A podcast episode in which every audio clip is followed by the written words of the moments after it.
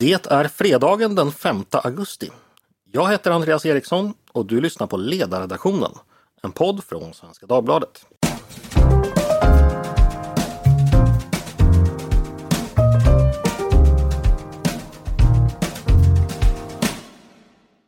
Det är vanlig jävla fredagkväll och alla är fulla som as. Mattias, Peter och Paulina väntar alla på André As. Nej, här är förstås ingen full. Tvärtom, vi är både nyktra och kloka här på Svenska Dagbladets ledarredaktion. Där alla lalala ledarbarn samlas för att ge sin syn på denna eras zeitgeist. Namnen är redan nämnda, men vi upprepar dem. Varmt välkommen Mattias Svensson, Peter Wemblad och Paulina Neuding. Tack så mycket. Tack, Hej! tack, tack. tack. Mattias, hur har veckan varit? Eh, jo, men den har varit bra. Eh, ingen Mm. anledning att vara dyster på fredagen. Eh, vi kanske inte avslöjat det tidigare, men det var ju faktiskt så att förra veckan chefade faktiskt du på redaktionen. Hur var det? Eh, ja, det var ju en upplevelse. Det var väldigt mycket nytt att sätta sig in i. Men det var kul att vara chef över Paulina. Hon har ju varit chef över mig. Vi kan ju säga så här att för er som inte känner Mattias kan jag avslöja att han och chefskap det är ungefär som en Long Island Ice Tea klockan 01.15.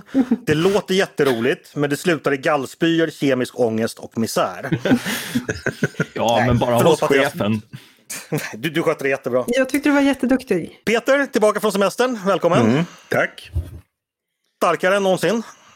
Eh, ja, det vet jag inte eh, om jag är. Men eh, det har inte varit eh, några långa motionsrunder den här semestern. Får jag fråga, är du en sån som kopplar bort jobbet och därmed politiken och debatten? Eller hänger du med lite och sitter och ruvar på nya idéer och eh, texter?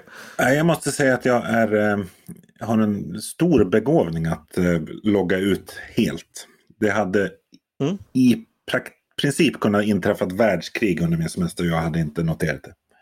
Mm, Okej, Men alldeles utmärkt. Då är du fräsch i hjärnan. Eh, Paulina, hur är det på din front? Det är bra tack. Har det stökats något med biblioteket sen sist?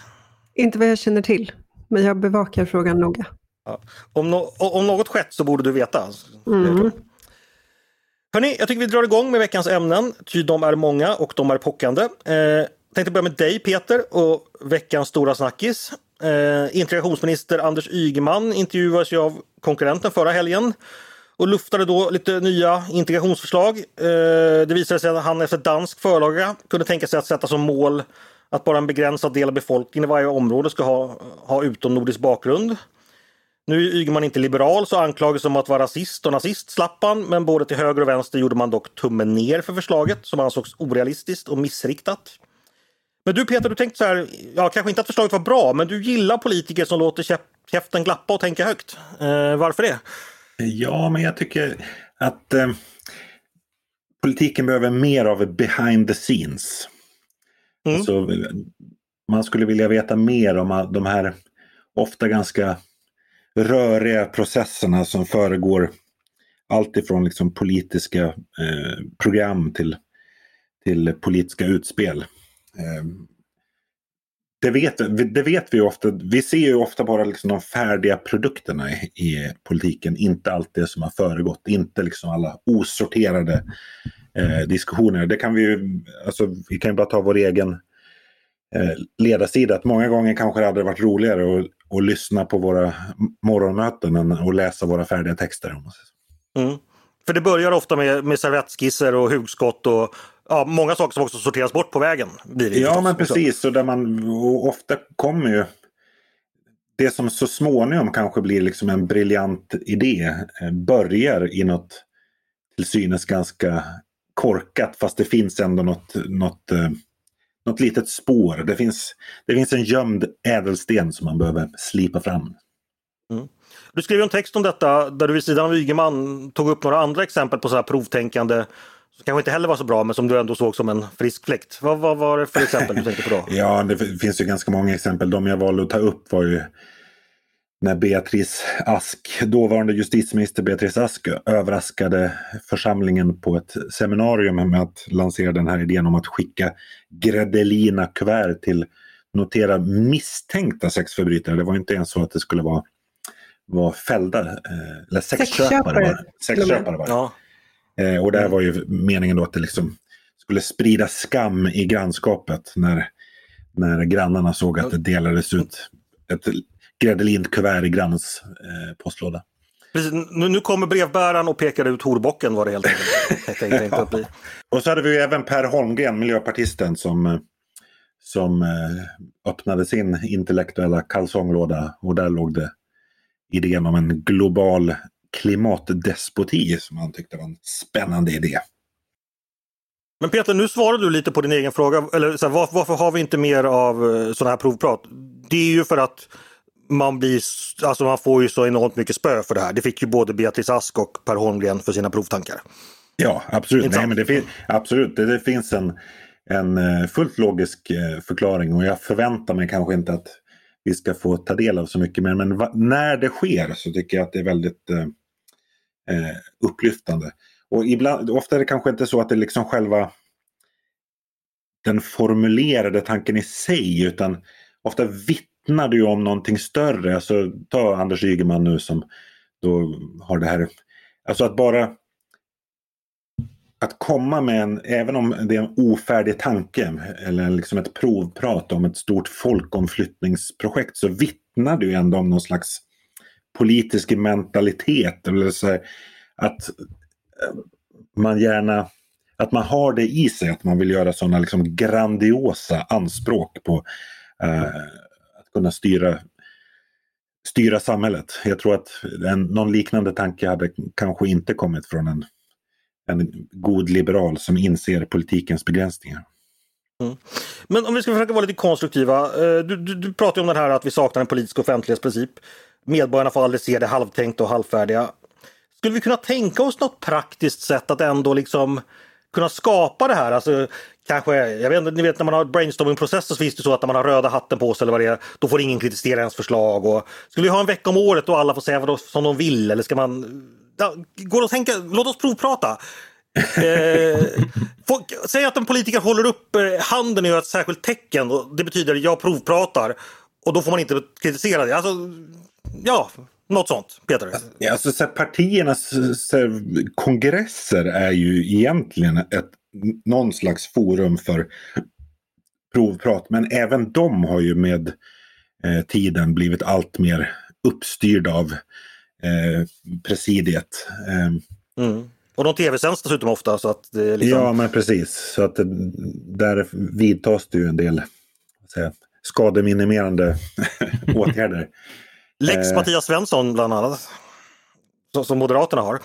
Nej, men jag tror kanske att, att partierna ibland eh, skulle våga liksom öppna upp sina interna sammanhang. Alltså, exakt på vilket sätt, men inte vet jag. Sända live från sina interna möten eller eh, vad det nu kan vara. Mm. Det finns ju någonting som kallas Chatham House Rule som kommer från England. Eh, det praktiseras ju ibland i vissa sammanhang i Sverige. Det betyder att om man är inbjuden till en församling för samtal så ja, man får sprida all information vidare. Man får inte säga vem som har sagt vad. Är det någon lösning kanske som man skulle kunna använda oftare?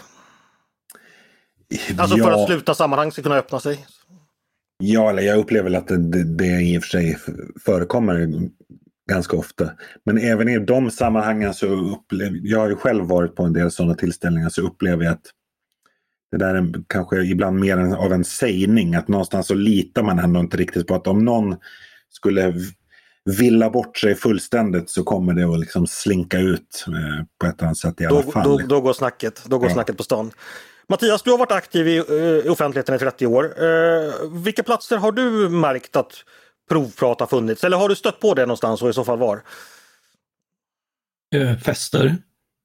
Fester? Jag menar, ja. ja men, över, överhuvudtaget där, där man bollar idéer och sådana. Ibland tycker jag när man, när man håller föredrag eller lite när som helst att man kommer på något uh, och, och liksom kommer på i stunden något relaterat till ens ämne och så utvecklar man det resonemanget. Och ibland är det bra och ibland inte. Så, så det, tycker jag, det tycker jag händer med jämnan. Jag är ju inte politiker som behöver ställas till svars för varenda kommatecken. Men problemet är att väljarna är ju inte inbjudna till de här festerna så det blir ju bara för en begränsad skara som får höra det här. Peter efterlyste ju liksom mer att alla ska kunna få ta del av det här. Ja, jag, jag, tror man ska vara, vara försiktig med vad man, vad man önskar sig. Liksom. Det, eh, ja, ja, men det är ju liksom tank, tankeprocessen, eh, det vet vi själva och, och, det är ju just för att det är ofärdigt som vi testar i mindre sammanhang först.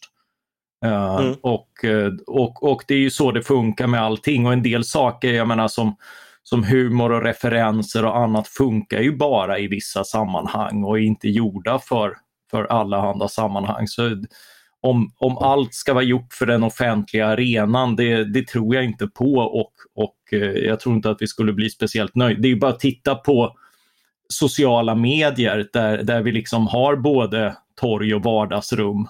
Eh, det, leder, det ja. håller vi ju på att, att försöka klura ut hur vi ska hantera det. Mm. Men, men eh. annars, så här, poddar är ju ett, eh, är ett bra format eh, för de där öppna samtalen. Det tycker jag vi, liksom vi själva märker att, och jag vet inte riktigt mekanismerna bakom det, men ofta när man har inbjudna gäster i podden att de kan öppna upp sig och tänka högt på ett helt annat sätt än om man intervjuar dem för en artikel. Mm. Så är det ju och det är ju idén bakom hela att vi på ledarsidan har en podd. Det är ju för att vi tror inte att alla ämnen, frågor, eh, spörsmål lämpar sig för den skrivna texten som per definition närmast har en mer färdig form än, än det talade ordet. Eh, Paulina, vad tänker du om det här? Eh, har Sverige några forum? Mm. Känner du till något bra forum för provtänk eller har du besökt något sånt? Jag tror så här, jag tror att man får vara tänka lite annorlunda som mottagare. De, de allra flesta människor, inklusive tror jag Anders Ygeman, är inte rasister. Rasism är en väldigt otäck ideologi som de, tack och lov, de allra flesta människor inte tror på idag. Eh, så när Anders Ygeman säger en sån här sak, då kan vi alla vara tillräckligt generösa och, och tänka att ja, men det är inte rasism som motiverar honom. Och det här var Nej, ju en klart, stor, enorm det. Eh, förändring i svensk offentlighet. Om, om vi alla kunde säga, ja men det som vi egentligen redan vet, att de allra flesta av oss är rätt hyggliga människor. Eh, och, och, svensk offentlighet har ju skilt sig från den danska där till exempel, att vi har varit så otroligt måna om att hitta fel hos varandra och hitta liksom karaktärsbrister i vad man säger offentligt. Men det är väl lite roligt att en rörelse som har ägnat 15 år åt att nazistsmeta Ja, såklart. Alla... Jag tänkte komma till det eh, nu. Alltså, för det första, ja. jag tror inte att Anders Ygeman provpratar ett dugg. Det här är en del av en triangulering inför valet som Socialdemokraterna ägnar sig åt. Och ja. efter att ha orsakat så enormt stor skada med den här åsiktskorridoren så liksom sveper man bort den i ett slag på det här sättet. Och liksom den här åsiktskorridoren, det här, som man, det här sättet man har haft att prata om invandringen, det sätt man har haft att bedriva invandringspolitik, det har slagit sönder det politiska landskapet. Det har lett i sig till en katastrofal migrationspolitik, för ingen har kunnat eh, sätta stopp under flera år, man har inte kunnat ifrågasätta. Eh, det har slagit sönder enskilda människors liv. Så jag har flera gånger återkommit till den här äldre damen på Röda Korset mm. i Falun som så symbol för en människa som säger någonting som inte är rasist men som får sitt liv förstört. Eh, och, och sen så i ett slag så har socialdemokratin flyttat åsiktskorridorens gränser utan att säga ett ord till Barbro, eller alla Barbro som finns där ute. Det, det, är, det, är rätt, ehm, det är rätt otäckt faktiskt. Det är så man behåller makten kan jag säga. Nej men det var ju mm. fantastiskt också näpet-reaktionerna. Jag tror jag såg att Aftonbladet Kultur skrev en artikel om att ah, men, ah, det var ju dumt av Ygeman det här men jag tror ändå inte Socialdemokraterna menar det här. Och Annie Lööf när hon mm. skulle fördöma det här hon talade om att ah, det är så tråkigt att partier tävlar, alltså observera partier i plural, ja, ja, visst, visst. tävlar med varandra så att det var nog Moderaternas fel där också. Liksom. Nej, men det, hyckleriet ja. är fullständigt enastående och det är liksom inte ägnat att stärka förtroendet för, för politiken. Alltså, Men nu skulle vi, nu skulle vi prata prov, provprat Paulina, det var det vi höll på med. Ja okej, okay, förlåt. Fråga igen så ska jag försöka svara bättre. Nej, vi fick ju chansen. Ja, du, du provpratade och valde att komma in på invandring. Mm. Så då, då har du provat. då, har du, mm. då har du provat färdigt. Eh, Peter, några avslutningsord från dig. Det var ditt ämne från början. Har du fått några reaktioner på texten?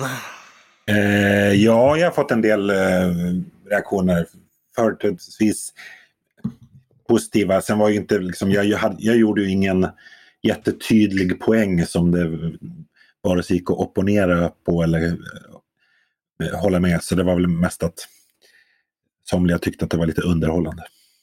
Mm. Hörrni, då går vi vidare. Nu är det Mattias som ska sätta sig i stolen och bli både klippt och rakad. För han har nämligen gett sig på partiet i veckan, vilket inte gladde alla. I vissa kommentarer är han utved, utsedd till, eh, till vänsterpartist till och med. Eh, det är inte illa för en doktrinär libertarian. Eh, Mattias, du skrev så här, eh, rubriken var SD är svagheten för en ny regering. Varför då? Ja, det var ju apropå Moderaternas presenterade kampanj och de, eh, jag tycker ju de förtjänar en eloge för att försöka vara konstruktiva i, i liksom ett politiskt samtal som definitivt inte premierar det. Eh, och och liksom lyfta fram vad man vill regera på och, eh, och hur, eh, vad vi kan förvänta oss av en, en borgerlig regering med, med Sverigedemokratiskt stöd. Eh, men... Ni hör gott folk, han är inte, han är inte vänsterpartist. Ja, men, men de här elva punkterna var ju då liksom så pass ansträngda att jag tyckte att de påminde om några elva hårstrån som kammats över en flint. Att det, var, det framhävde mer vad man försökte att dölja, nämligen att det, det är inte så mycket man kan, man kan erbjuda. Det är liksom, man klagar på, med rätta, att Socialdemokraterna har höjt ett antal skatter för för liksom, vad hade de, 26 000 i månaden för, eh, för en barnfamilj. Um, men eh, vad vill man då göra åt det? Ja, de lovar att inte höja skatter och det är liksom, ja, eh, okej. Okay. Mm. Eh, det, det, men, men... det är lite tunt. Ja, jag ska läsa nyckelmeningen för den tyckte jag sammanfattade väldigt väl. Så här skriver du. Den ofta upprepade farhågan om att en borgerlig regering stödd på SD skulle ta stora steg mot ett totalitärt eller auktoritärt samhälle är betydligt överdriven. Risken är åtskilligt större att denna regering blir en fadd och utspädd anrättning i en tid då den skulle och kommer att behöva framsynta reformer, svåra beslut och sparande i ladorna. Vad tänker du lite mer specifikt på då? Vad är det man inte har i beredskap när det gäller förslag nu? Alltså det är ju jättesvårt att bilda majoriteter i nuvarande parlamentariska läge. Eh, det, det mm. märker den här regeringen, det märker alla som försöker. Ja, det finns en stor antisocialistisk majoritet. Det finns också en stor antiborgerlig majoritet. Det finns liksom majoriteter mot allt, men det är väldigt svårt att bygga Eh, majoriteter och då kan man köra sossevägen att liksom man, man, man spenderar åt alla håll och så, och så lyckas man komma överens på den vägen. Alla får något och skattebetalarna får mindre pengar. Eh, men eh, det, här är ju, det här lär ju inte hålla så särskilt eh, långt in i framtiden eftersom, eh, eftersom vi redan kört den vägen. Eh, så eh, och, och liksom när man då ska komma överens, inte minst med Sverigedemokraterna som, som ju är ett parti med, med andra värderingar och sådär, liksom, då, då är det inte så mycket man, man kommit överens om och det kommer att bli liksom rätt tuffa förhandlingar därför. Absolut. Men lyssnade du på den intervjun jag gjorde exempelvis med Oskar Sjöstedt eh, tidigare oh ja. i sommar? Eh, ja. jag, jag, håller ju med, jag håller ju med honom mer än förmodligen många av hans väljare. Eh, ja. Men Problemet är ju att i skarpt läge så märker jag alltid att Oskar argumenterar för de bekväma, liksom, det, det nya utgifter är, och eller skattesänkningar men, men det är sällan de här tuffa prioriteringarna i, i de förhandlingar som skett. Nu kan man ju säga, där har ju Sverigedemokraterna det. Jag håller ju med om deras besparingar på bistånd, på public service och liknande och hoppas att det blir en del av av, av en, en borgerlig regeringspolitik. Men, Eh, men, men i skarpt läge så tycker jag mer att de har kört, det är ju liksom högre pensioner, högre a-kassa, mer utgifter och sånt där liksom som, eh, som de har. Så, så han säger jättekloka saker men, men i skarpt läge är frågan om inte Sverigedemokrat, om Sverigedemokraterna är att lita på. Och det får vi se under mandatperioden. Mm.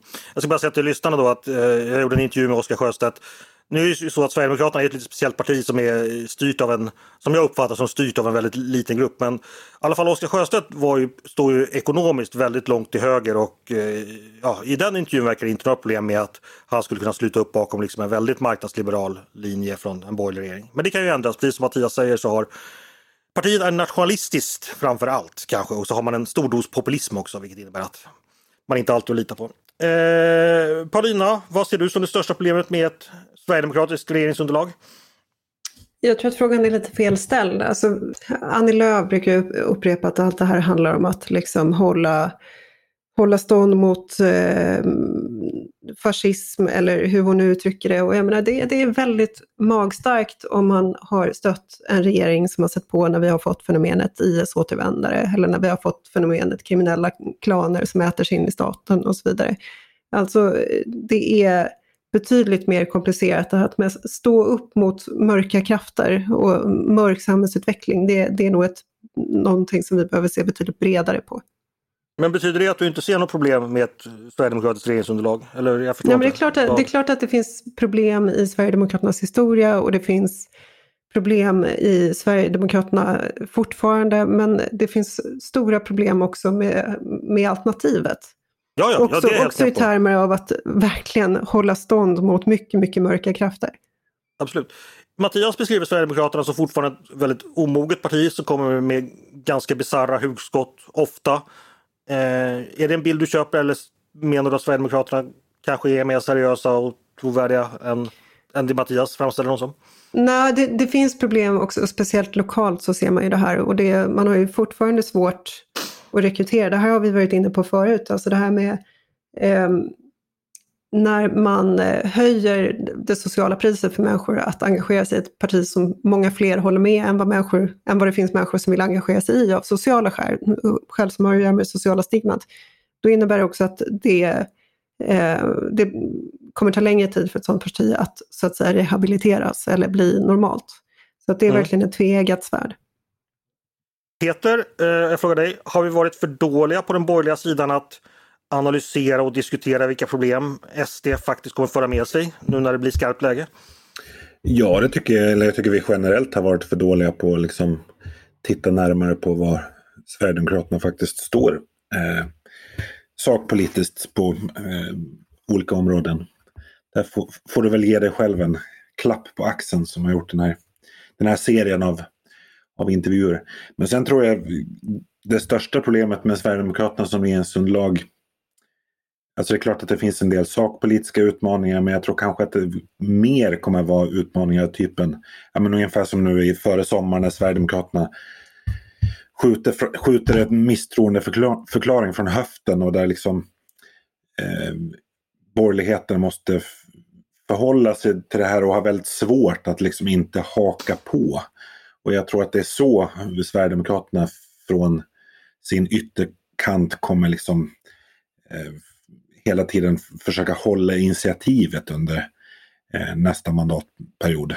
Att istället mm. för att en borgerlig regering styr och Sverigedemokraterna vad säger, hänger på att det blir lite grann att Sverigedemokraterna hela tiden tar nya initiativ från ytterkanten.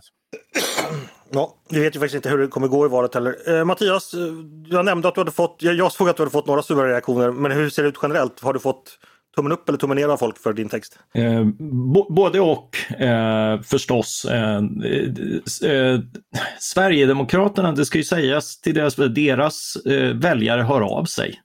Eh, jag har inte fått något hot eller något hat. alltså, det är egentligen självklarheter men, men det behöver sägas. Det är väl ingen som hatar dig Mattias, du är ju allmänt omtyckt. jo, det, det, finns en hel del. Däremot en hel del märkliga reaktioner inklusive liksom att det är klart att det inte är något problem med Sverigedemokraterna och sen någon som förklarar liksom hela eh, Rysslands alla legitima anledningar att, att eh, bekriga Ukraina. Eh, och sen eh, en annan som liksom, nu är jag sverigedemokrat tack vare allt elakt ni skriver i medierna och, eh, och sen liksom nu, skicka med någon bild om att liksom, du vet väl att läkemedelsföretagen vill göra dig sjuk och sådär. Liksom. Så, eh, så, så det är ju eh, alltså det är ju anekdotisk evidens och det är ju inte, det är inte alla sverigedemokratiska väljare men, men liksom intrycket man får är ju ett annat när man skriver om Sverigedemokraterna. Så är det fortfarande. Mm. Du nämnde någonting att Sverigedemokraterna har faktiskt varit inne i finrummet nu i 12 år och blivit överösta med, med statliga pengar och statligt stöd som alla riksdagspartier är.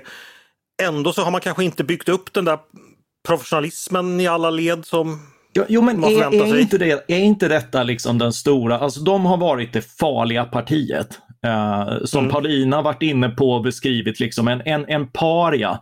Och för all det stigma och sådär liksom, så är man ju ändå farlig.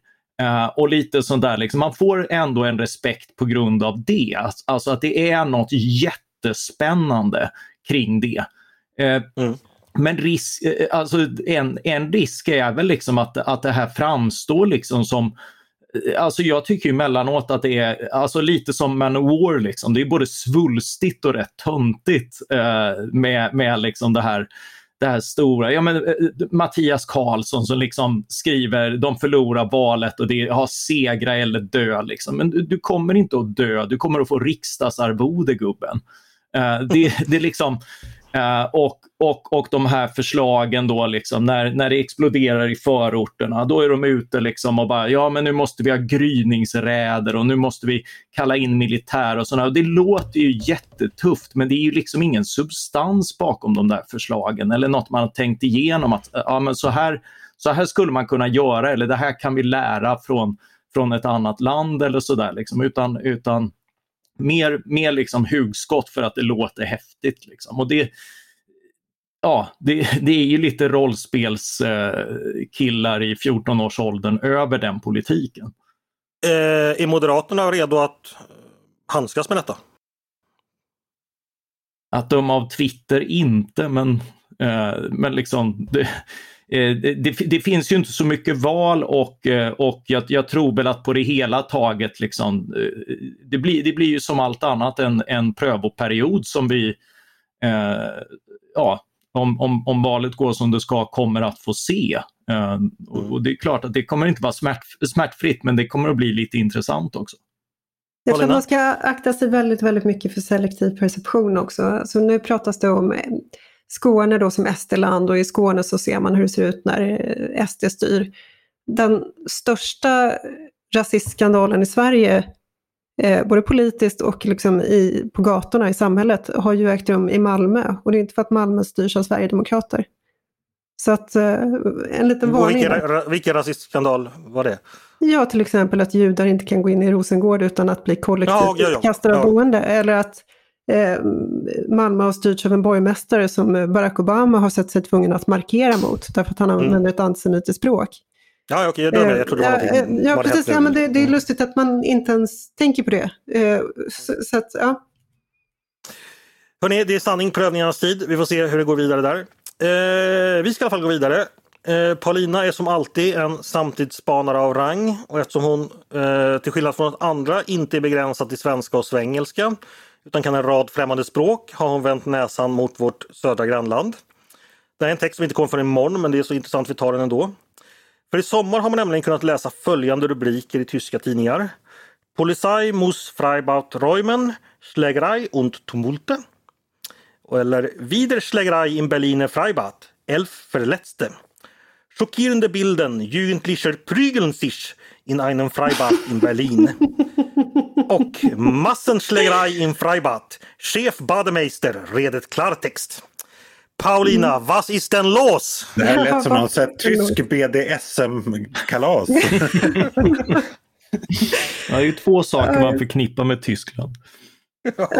Pa Paulina, was ist los? Ja, Tyskland har problem med gruppslagsmål på utomhusbad. Och inte bara då. Schlägerei Massenschlägerei har du pratat om nu. Alltså, ja. Eh, I ett, två fall i juli som har varit uppmärksammade, i, i det ena fallet så var det ett, ett hundratal badgäster som började slåss efter eh, tjafs om badpistoler. Och i det andra fallet så är det 250 badgäster som har hotat eh, polis och personal.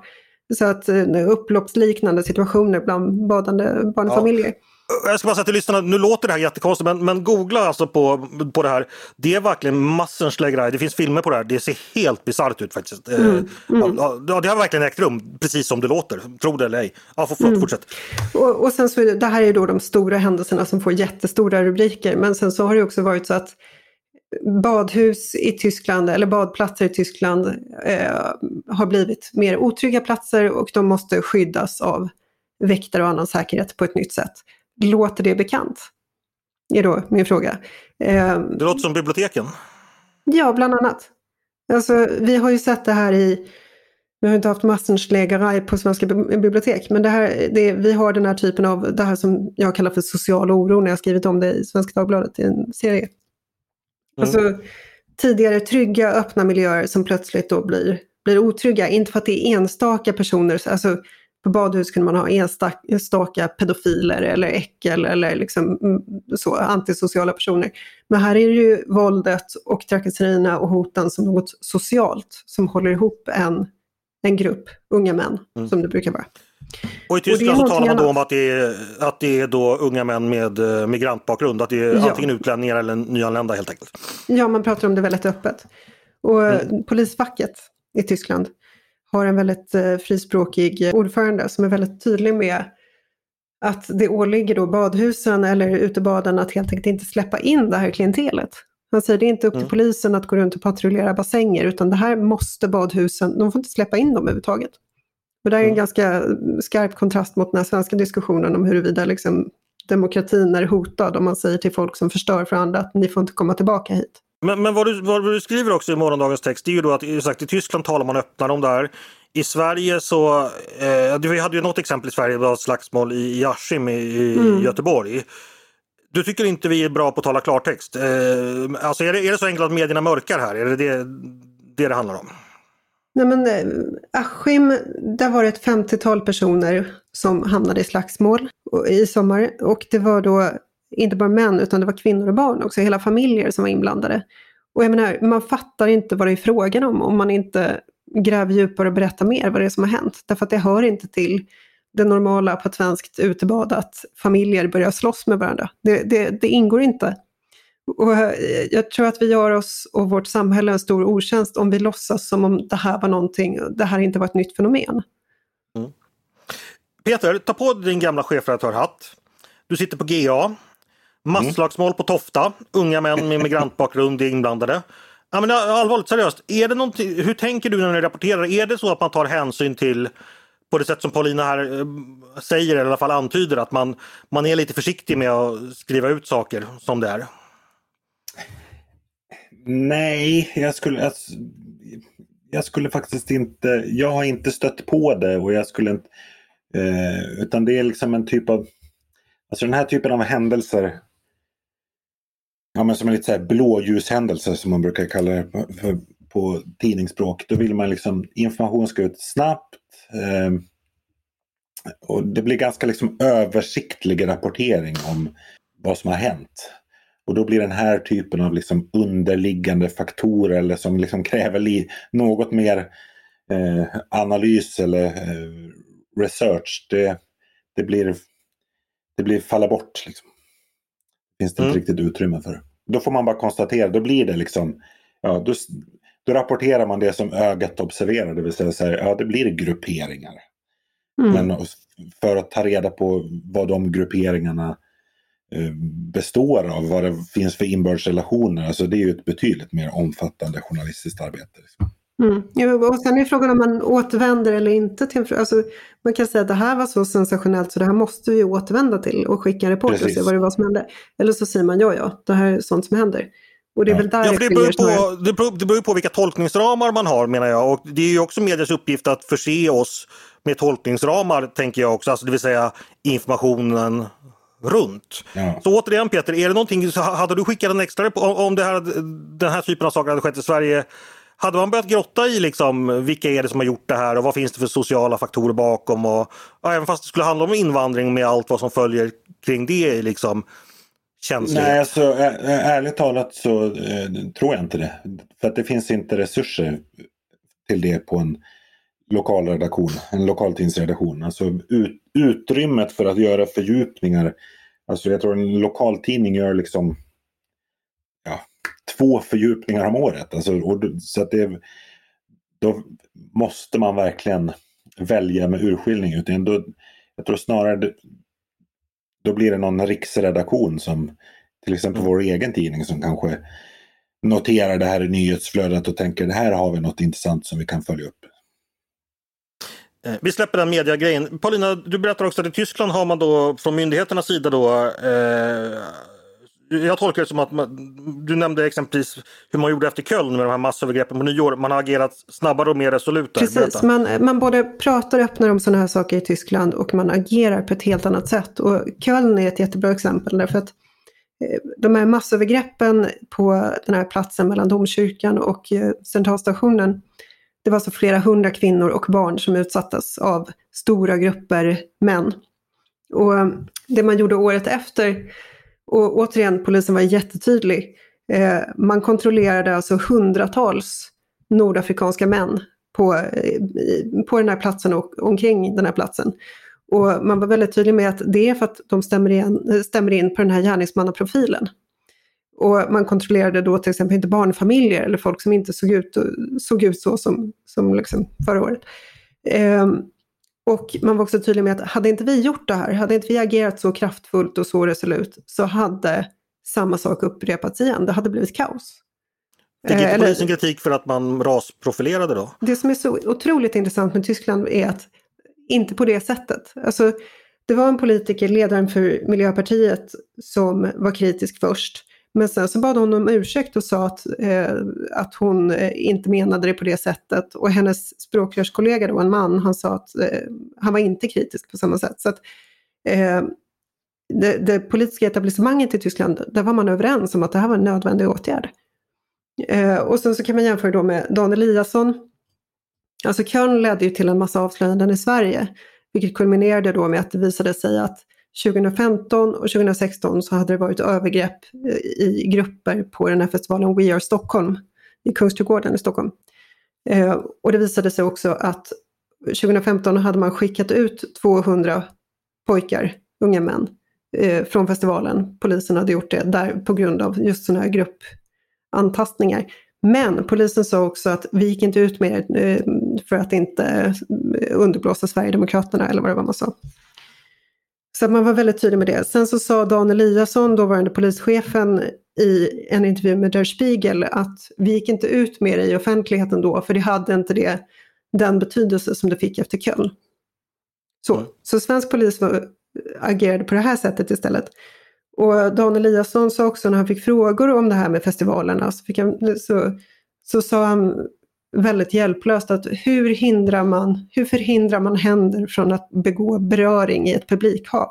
Och, och jag menar, där är ju skillnaden mot Tyskland, den tyska polisens väldigt resoluta agerande eh, väldigt slående.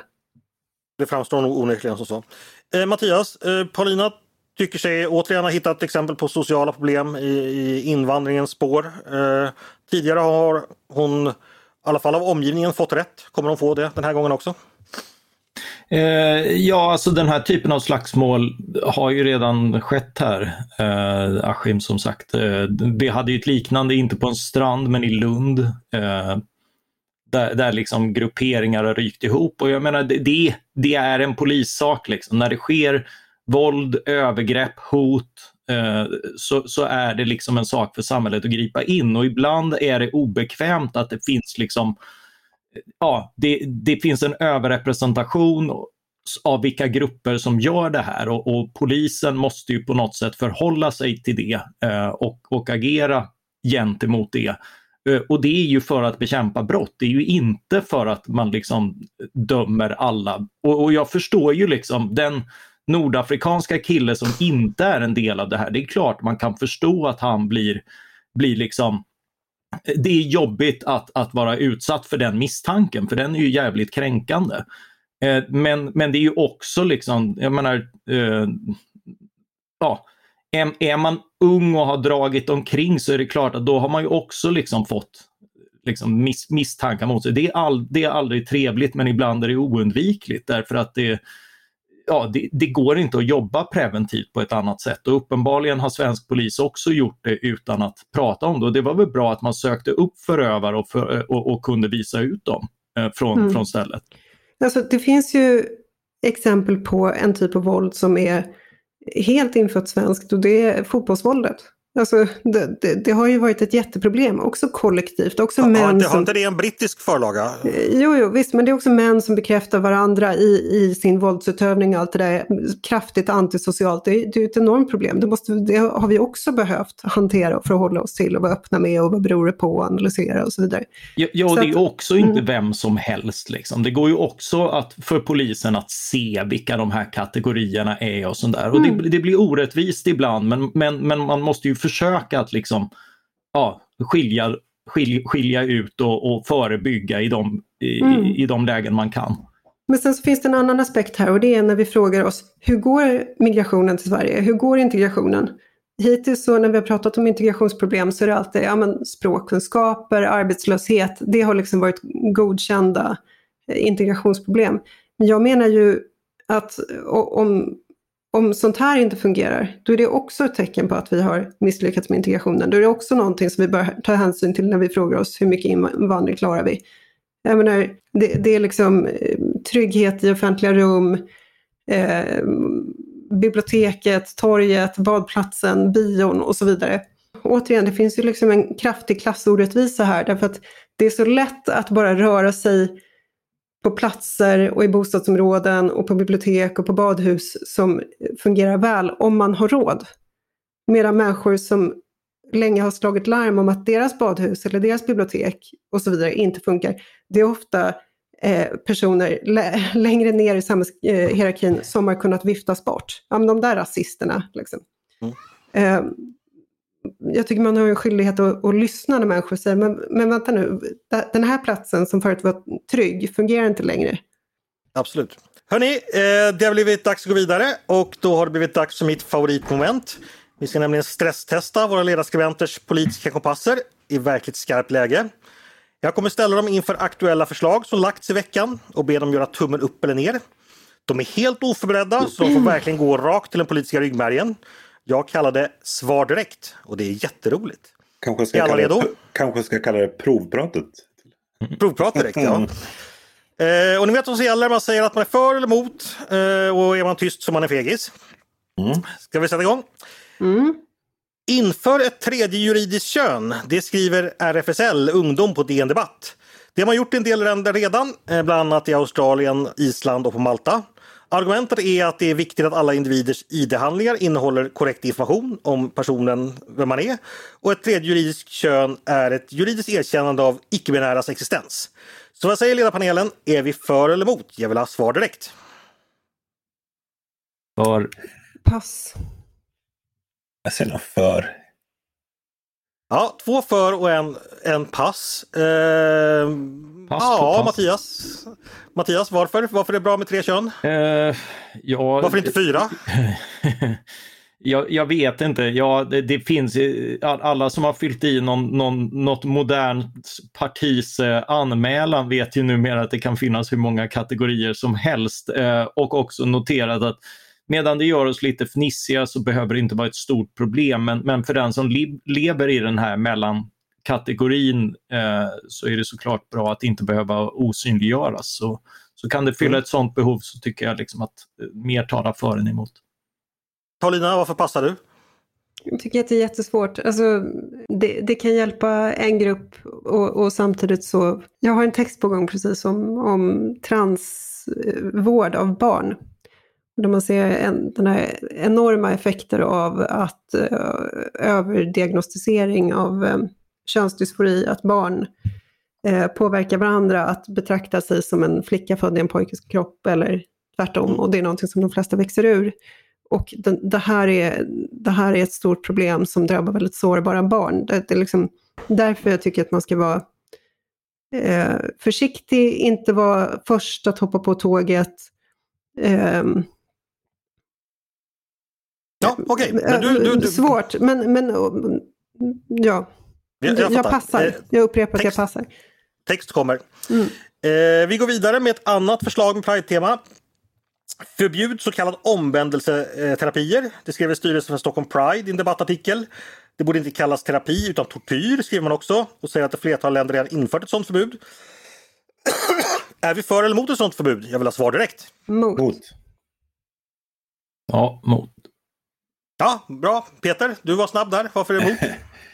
Ja, alltså nu ska jag villigt erkänna att jag inte har några djupgående kunskaper om, om omvändelseterapi. Men eh, jag förstår ju om man vill liksom stoppa men, vet, kristna sam eller religiösa samfund som får, får eh, bidrag som ägnar sig åt sånt här. Och, men liksom att förbjuda fenomenet som sådant har jag lite eh, svårt att förstå.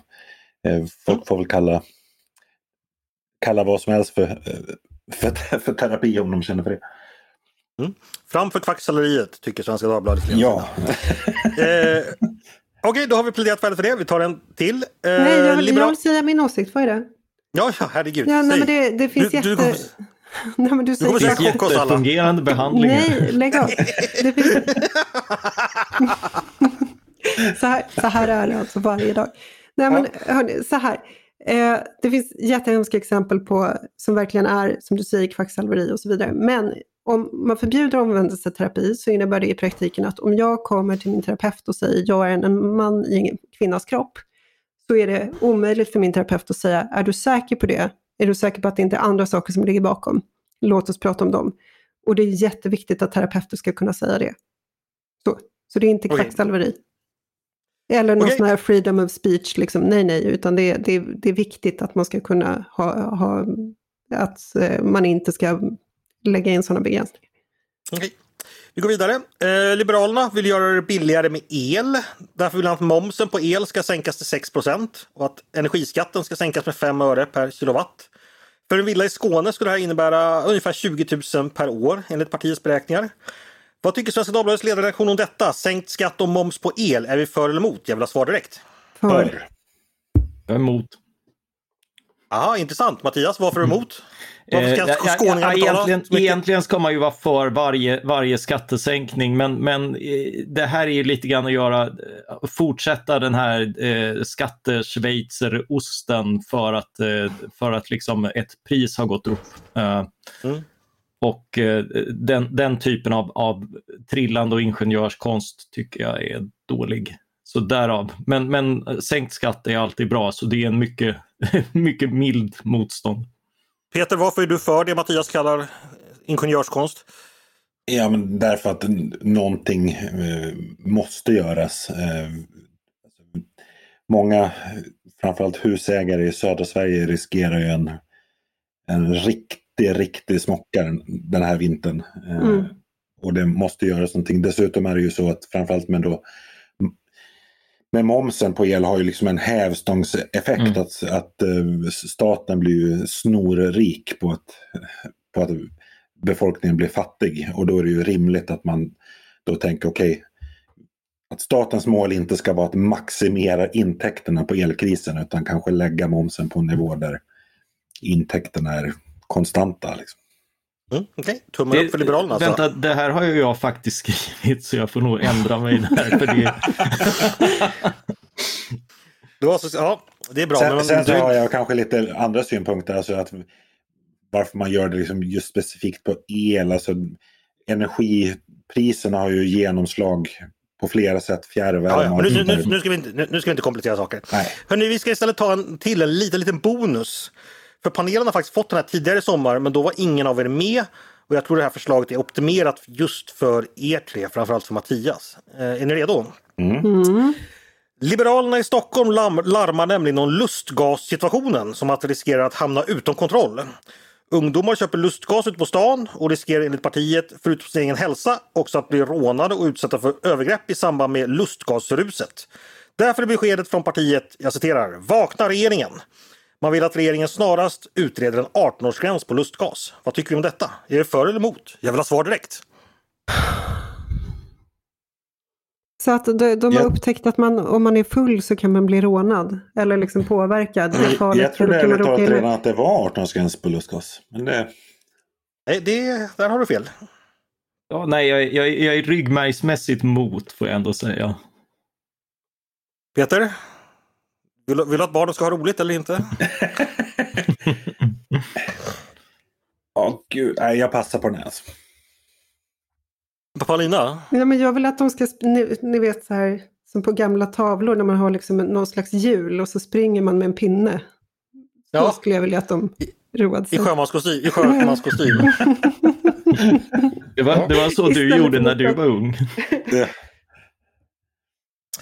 Ja, okej. Okay. Peter, du passade alltså? Ja, jag tyckte den var svår. Ja, ja men jag, blev, jag, blev, jag blev liksom politiskt förvirrad av att jag redan trodde att det var ett faktum. Ja, okej. Okay. Ah, ja, Mattias, du fick i alla fall ta avstånd från, från Liberalerna i det här. Så. Du låter nöjd, men, Andreas. Ja, jag är mycket nöjd. Jag vill att du visar dina, din sanna ull. Eh, vi ska gå vidare. till att vi några favoritmoment faktiskt. Eh, vi kallar det Är du smartare än en ledarskribent? Och det innebär att jag ställer våra panelister inför tämligen triviala men mycket intressanta frågor kring tidens ämnen. Och ni där hemma kan vara med och tävla. Svarar ni snabbare och rättare än vad Peter, Mattias och Paulina gör är ni helt enkelt smartare än en ledarskribent. Ni kan reglerna, man får svara när man vill. Vill man svara säger man sitt namn och då slutar jag läsa upp frågan. Fel svar ger minuspoäng. Allting är solklart? Ja. Mm. Drar vi igång. Det har ju hunnit bli augusti.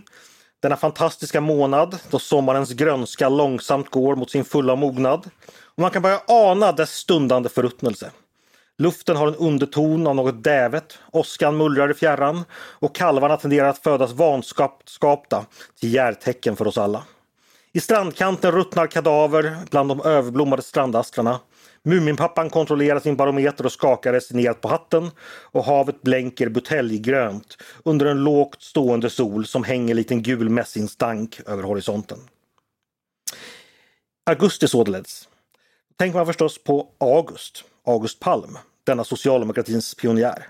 Men vilket yrke hade denna tidigare agitator ursprungligen? Mm. Mattias. Ja, jag chansar på skräddare. Snyggt Mattias, den tog du hem. Just det, skräddare Palm. Jag tänkte faktiskt säga det. Räkna, nej, det räknas nej, inte. Det, det, det räknas det inte. inte det. Mattias rycker och ni vet ju att Mattias vann faktiskt förra veckan. Så att uh, nu är han riktigt på gång alltså. Han kan ta en dubbel, dubbel Palm här, lämnade ju socialdemokratin när socialdemokratin blev för uh, förbud mot uh, alkohol. Mm. Som de drev i folkomröstningen. Som det är hundra år sedan nu i augusti. Det var en bra kvar. Eh, vi går vidare med augusti och hamnar då fullt naturligt på Augustinus, denna kyrkofader framför alla andra. Som väl alla statsvetenskapsstudenter har fått stifta bekantskap med redan på A-kursen. Mm. Men vad heter Augustinus kända verk där han bland annat diskuterar religionens relation till statskonsten? Det går bra att svara på svenska. Latin ger bonuspoäng. Men jag vet att alla har läst statsvetenskap A här så att ni har nog läst honom. Ja, med, med risk för att göra bort mig nu så säger Peter. Är det, ja, det, det, är inte han som har den här, nej för, förlåt, nej jag backar. Jag, jag tar tillbaka. Nu, nu får du inga minuspoäng så nu kan ni chansa ifall ni har någonting ni vill chansa. Den heter eh, De Civitate Dei, Guds stad eller Gudsstaten. Hörrni, i augusti äter man kräftor. Vilken minister uppmärksammades 2002 för en kräftskiva? Han låter skattebetalarna stå för notan. Paulina Neuding.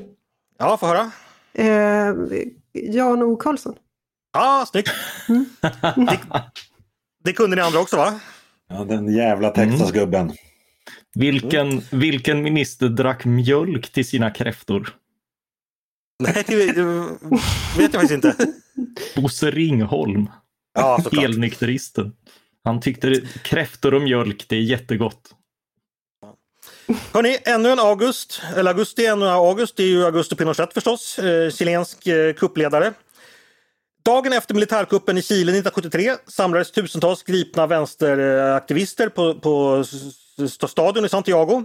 En av dem var en känd sångare som bland annat skrivit texten. Mattias, Mattias först. Viktor Jara. Här hade jag lagg, jag var först. Eh, om du kan sjunga någonting av Viktor Jara Peter kan du få en poäng också. Eh, nej, det kan jag inte. Det är möjligt att det var tekniken som fallerade men, men det är liksom det som var i fotboll. Ibland så är det tekniken som fallerar helt enkelt. eh, vad blir det? Det är att eh, Mattias har två poäng, Paulina ett och Peter står kvar på noll. Mm. Eh, Augustu, Augusti är ju döpt efter Augustus, den första kejsaren. En mycket framgångsrik sådan. Man hade några plumpar i protokollet. En av dem var nederlaget i Tetuburgevalt år 9 då tre romerska legioner krossades av en samling germanska styrkor. Vad hette han som ledde germanerna?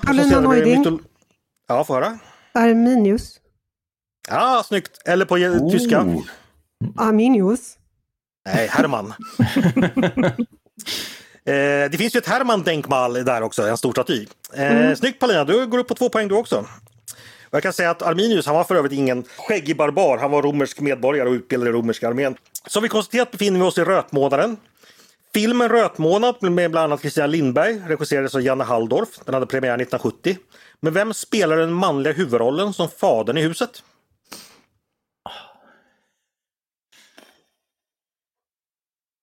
Kommer ni inte ihåg det? Gått på tv många gånger. Nej, det står still här. Alltså. Nej, rätt svar är Carl Gustaf Lindstedt. Sista frågan då, då som avgör då. Augustifamiljen var länge husband i tv-programmet På spåret som sedan 1987 roat och lyst upp de svenska vintrarna. Men hur många avsnitt av programmet har hittills visats? Närmast vinner. Vad fan. Oh. Det finns väl fortfarande va? Oh ja. Oh ja. Eh, jag, jag, säger, jag säger 500. Uh, 20 avsnitt per år i 30 år. 600 säger jag. Och Mattias? Då säger jag 350. Ja Mattias, vilken, vilken defilering. 342 är rätt svar. Oh. hur, hur, länge har den gått, ser du? Det har en fördel och inte... Jag, jag gjorde ett litet rederiet-överslag och, och räknade några år till. Eh, grejen är ju att det har inte gått alla år. Eh, det är bara, men och de första säsongerna hade bara 6-7 avsnitt. Idag så har de 13 avsnitt. Men Mattias, du står som dagens segrare. Grattis! Oh, tack så mycket! Ja, det här kommer jag leva länge på. För andra veckan i rad. Och du vet att när du har varit stormästare i fem veckor, då, då åker du ut. det, tror så, då vinner du en miljon. Gri, grisar kommer att flyga innan det händer. Eh, en sak vi glömde var att Peter har ju skrivit en lite rolig artikel idag som handlar om svenska hårdrocken. Vad finns att lära om den Peter? Eh, Vi lär oss av historien. Att den har gjort Sverige till ett bättre land. Nej men det, jag skrev om SVTs eh, dokumentärserie om svensk eh, hårdrock. Det är en lite, en, nog en okänd eller relativt okänd framgångshistoria för de flesta hur stor svensk hårdrock har varit internationellt och stilbildande under många år. Mm. Och då därmed kan man säga att you released the fucking fury. Eh, för vi ska avsluta med eh, ett hårdrocksmoment. Det brukar ju vara så att vi har ett litet, ja det här är faktiskt också mitt favoritmoment när jag ställer en lite spontan rundfråga. Den nyfiket, eh, ja, och lite lättsamt undrar en sak och panelen svarar lika lättsamt spontant. Nu när vi har pratat hårdrock så är jag övertygad om att panelen sitter inne med både snille och smak här. Så frågan är helt enkelt, eh, favorithårdrock, band eller låt får ni välja själva. Och vi sparar Peter till sist förstås och börjar med eh, Mattias. Ja, det, det, finns ju så mycket att välja på men man kommer inte undan Kiss. the hardest band in the world, so I stole your love.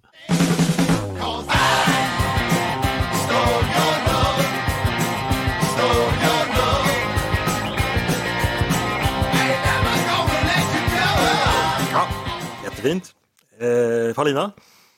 Förlåt, jag fick ju instabil eh, mottagning så jag hörde inte frågan. Du ska säga en hårdrockslåt och kan du ingen så kan du låtsas ha instabil, instabil uppkoppling. Va? Paulina, Paulina har bara, bara säga vilken... inne i sjömanskostym. ska jag säga vilken hårdrockslåt, bara säga en? Som du tycker är bra då? Säg den du kan. Fuck, fuck like a beast kanske? Eller? Nej, vad, vad betyder det? Knulla som en bäst? uh, uh, jag kommer inte på någon. du kan fundera lite men, då. Men välj något stycke av Chopin istället. Eh, Peter, ge oss facit. Ja. Eh, jag lyssnar ju mycket på en eh, hårdrocksgenre som heter stoner rock. Mm. Och eh, favoritbandet där är då Queens of the Stone Age.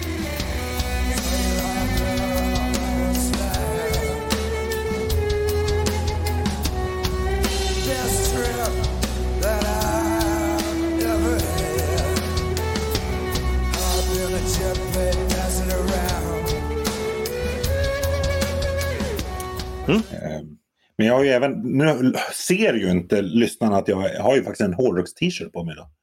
Med mm.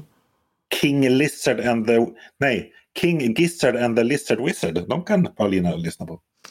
Ja. Tack för eh, vi, vi, kan intyga att det, det, är sant att Peter har den på sig. Eh, Paulina, vill du ha en till chans eller ska vi gå vidare? Eh, nej, jag kommer, jag kommer verkligen inte på något. Då, då, då, gör vi så här istället att eh, vår producent Jesper får lägga in eh, den låt han tror Paulina skulle ha svarat ifall hon hade haft tankar lite mer. Så den kan vi lyssna på lite nu. Det får väl bli den här klassiken med Judas Priest eftersom Paulina aldrig är sen att uppmärksamma antisocialt beteende och brott mot vårt samhälles gemensamma normer. Breaking the law, breaking the law,